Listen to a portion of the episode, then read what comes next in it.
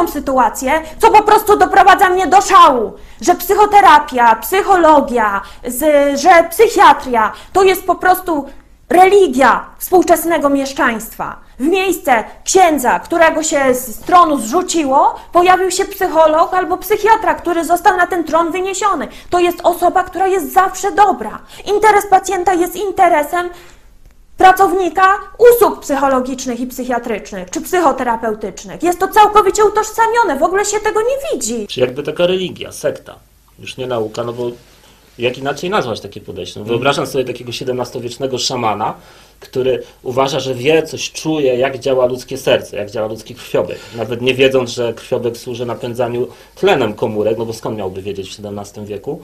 No, to jest taka I kwestia, kłóci się która... na przykład z takim Leonardo da Vinci, no powiedzmy XVI wiek, który jednak chce coś tam zmierzyć, dokonać sekcji, prawda? To jest e, kwestia tego podobieństwa e, psychoterapii do religii. To jest kwestia, która w książce się przewija w kilku, co najmniej kilku różnych e, wywiadach. Ja też pisząc tę książkę, e, właściwie e, byłem, można powiedzieć, obserwatorem, byłem tym, który stawia pytania. Ja nie chcę wyciągać wniosków i do końca e, książki wniosków nie wyciągam. Chciałbym, żeby czytelnicy właśnie mieli możliwość spojrzenia na psychoterapię oczami pacjentów, oczami psychoterapeutów. Jedyne, co starałem się robić, to zadawać im bardzo wnikliwe pytania. I te pytania o taki religijny charakter y, psychoterapii pojawiają się i ze strony właśnie pacjentów, z którymi rozmawiam, i ja te pytania kieruję też do terapeutów, z którymi y, rozmawiałem. I tu ciekawa rzecz, na którą myślę warto zwrócić uwagę. W literaturze napisano już kilka książek, e, Psychotherapy as Religion i podobnych tytułów, których autorzy dochodzą do wniosku na podstawie przemyśleń, na podstawie analizy tego, czym jest psychoterapia, dochodzili do wniosku, że psychoterapia ma religijny charakter. Co ciekawe, część z moich rozmówców doszła do tego samego nie na podstawie analizy, y, badań, wielu różnych modalności terapeutycznych, y, tylko na podstawie swojego doświadczenia w swojej własnej terapii. Ja mam wrażenie, że się tego nie widzi, kiedy tylko mówi się, że tutaj coś doszło do nadużyć, że są, że psycholog czy psychoterapeuta w sądzie powołuje się na to, że osoba, która korzystała z jego usług jest przecież zaburzona, więc jest nie- niewiarygodna w związku z tym w swoich oskarżeniach o nadużycia. To kiedy się to wskazuje, to ludzie się patrzą na ciebie jak na szaleńca, to po pierwsze, jak na szaleńca, próbują cię w ten sposób dyskredytować, podej- zaczynają cię obrzucać podejrzeniami, że może ty masz jakiś problem, bo jakiś problem prywatnej zemsty albo czegoś, a po trzecie, to uważają, że ty po prostu pewnie nienawidzisz osób, które mają kryzysy psychiczne. Nie to, że nie myślą, o, ta osoba chce dobrze, chce bronić, chce, żeby było lepiej, tylko uważają, że ty pewnie masz jakieś uprzedzenie. Jeśli ktoś ci mówi, bo ty masz nieuświadomione jakieś uprzedzenie, no to, to co możesz, możesz powiedzieć? Nie, ale jesteś niewiarygodna zupełnie, tak? Więc i tak samo jest właśnie na płaszczyźnie krytyki psychologii, psychoterapii czy jakichś oddziaływań psychiatrycznych. Po prostu, kiedy tylko próbujesz coś powiedzieć, że może to nie tak, to jest, stajesz się wrogiem automatycznie nie tej grupy zawodowej nawet, tylko tych ludzi, którzy są cierpiący. Dlatego mówię, klasa średnia ustanowiła sobie nową ikonę, która jest zawsze dobra, tak jak był ten paradoks dobrego księdza. On był zawsze dobry. No, no, do, no jak było, dochodziło do molestowania, czy tam y, do jakichś innych nadużyć, no to się mówiło, no tak, no życie, no ludzie, no to się zdarza wszędzie, ale jednocześnie nie starano się jakby dążyć do tego, żeby w jakiś sposób prawny, y, organizacyjny nałożyć takie coś, co by ograniczyło ewentualne właśnie nadużycia ze strony księży. Dziś tak samo jest w psychologii i psychoterapii. Identycznie.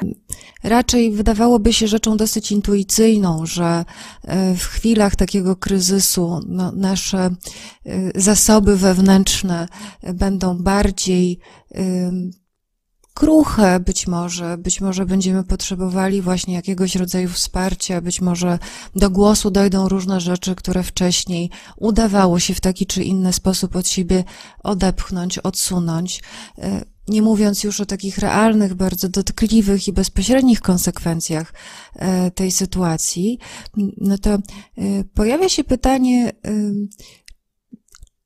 jak to jest, że w tym momencie zarazem wypływa taki temat, głośno dyskutowany oczywiście w określonym środowisku, środowisku właśnie takim krytyków z jednej strony, a z drugiej strony obrońców psychoterapii jako formy pomocy.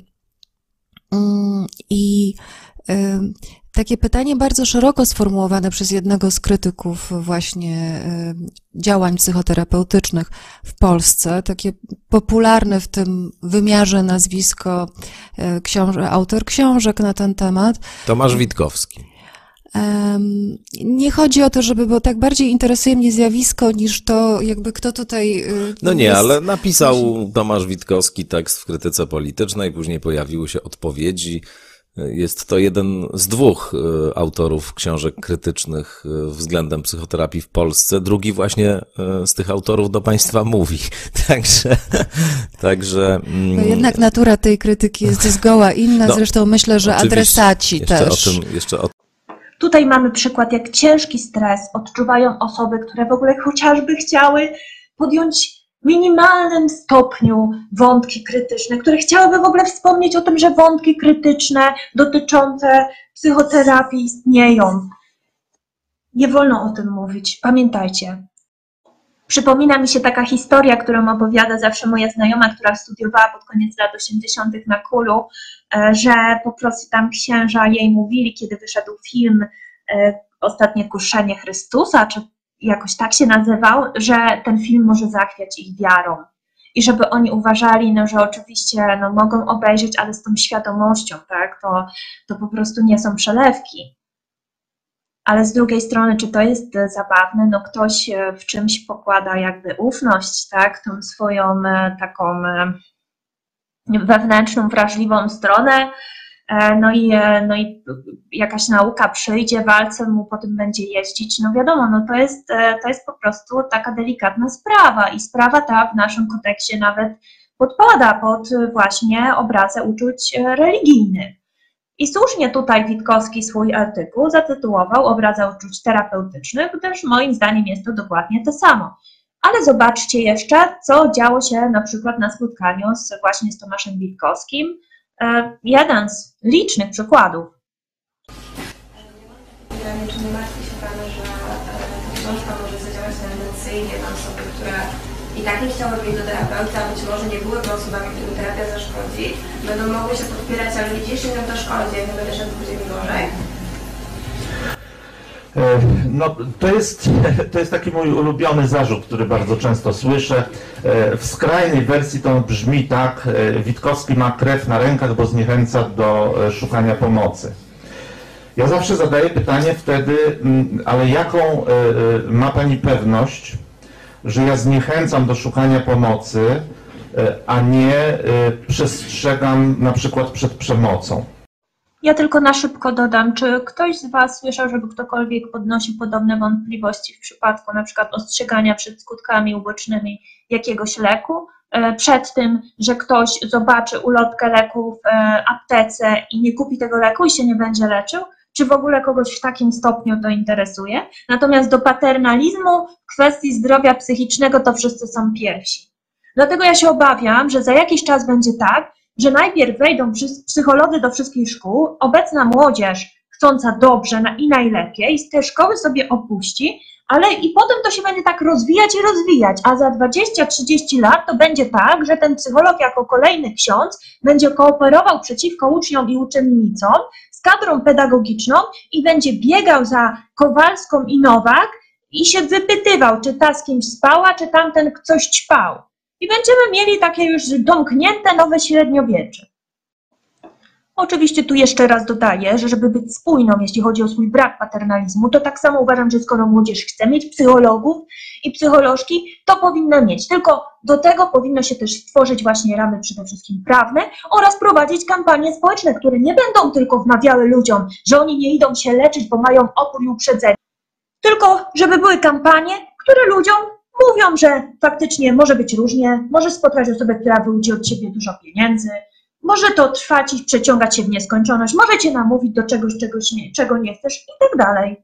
Bardzo często jest tak, że psycholodzy i psychoterapeuci bronią się, mówiąc, że do nadużyć. Dochodzi dlatego, że osoby nie miały odpowiedniego wykształcenia, że powinny mieć więcej certyfikatów, że tylko ukończenie tych różnych szkół daje gwarancję. Oczywiście to jest forma podnoszenia prestiżu zawodowego. Tutaj jeszcze z artykułu na Onecie.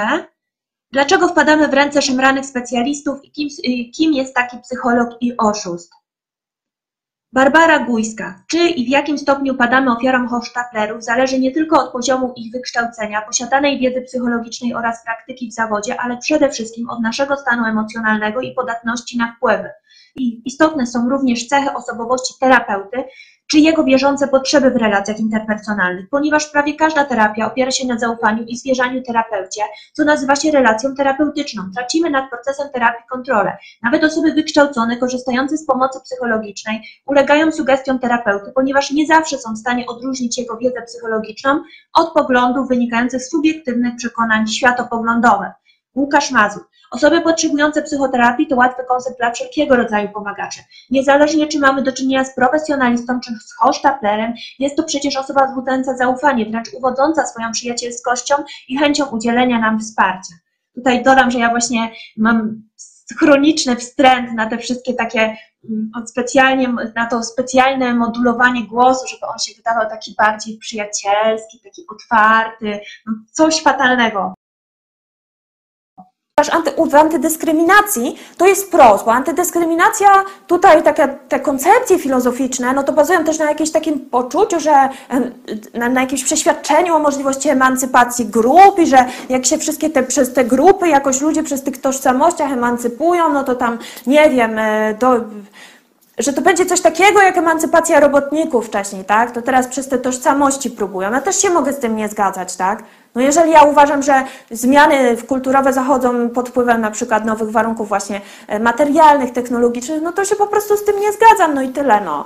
E, I, i to nie jest e, jakby pozbawione racjonalności. Natomiast y, tutaj obiecywano w psychoterapii, myślę, że to było źródłem jej wielkiego sukcesu, obiecywano emancypację, tak? Emancypację najpierw z kultury, no bo Freud, który był oszustem, normalnym oszustem, potem to zostało jakby, nie wiem, nie wszyscy o tym wiedzą, no ale to można teraz przeczytać w, internecie, tak, to y, opublikowano jego pracę, gdzie on po prostu wykazywał pogardę wobec ludzi, którzy korzystali z jego usług. No ale geniusz y, jego zaadaptowania różnych filozofii, bo tak naprawdę on tam czerpał i z ezoteryki, i od niczego, i od jakichś tam innych różnych wcześniejszych jakby filozofów, no ale geniusz tego jakoś był chyba, no, bardzo duży właśnie, jeżeli chodzi o przyjęcie jego propozycji tak społecznie, no właśnie jako jakiejś pewnej mody. I wydaje mi się, że właśnie dlatego, że on obiecywał, że on jakby pozwoli ludziom uwolnić się od wpływów mieszczańskiego społeczeństwa, które było no takie niby ograniczające, e, ograniczające indywidualną ekspresję. No, a liberalizm potrzebował wyzwolenia tej indywidualnej ekspresji. Jesteś tego warta, jesteś wspaniałą konsumentką, zasługujesz na wszystko, co najlepsze, na nasze kremy, proszki do prania i tak nie? No potem oczywiście ta krytyka się pojawiała już w XX wieku, tego zapośnięcia się mieszczaństwa psychoterapią. Y, Powstało pojęcie kultury terapeutycznej, tak? Tego, że ludzie poprzez na przykład warsztaty też różnego rodzaju psychologiczne próbują przekroczyć sami siebie, y, próbują się udoskonalić, stać się ideałami. No więc jest tutaj też taka płaszczyzna, że no może być inaczej niż jest, zamiast siebie w jakiś sposób zaakceptować i nauczyć się jakby żyć w tym kompromisie, moje indywidualne cechy, uwarunkowania, to czego oczekuje ode mnie powiedzmy otoczenie społeczne, no to właśnie jakby próbuję się tutaj grzebać gdzieś tam w sobie i dogrzebać się nie wiadomo czego. No.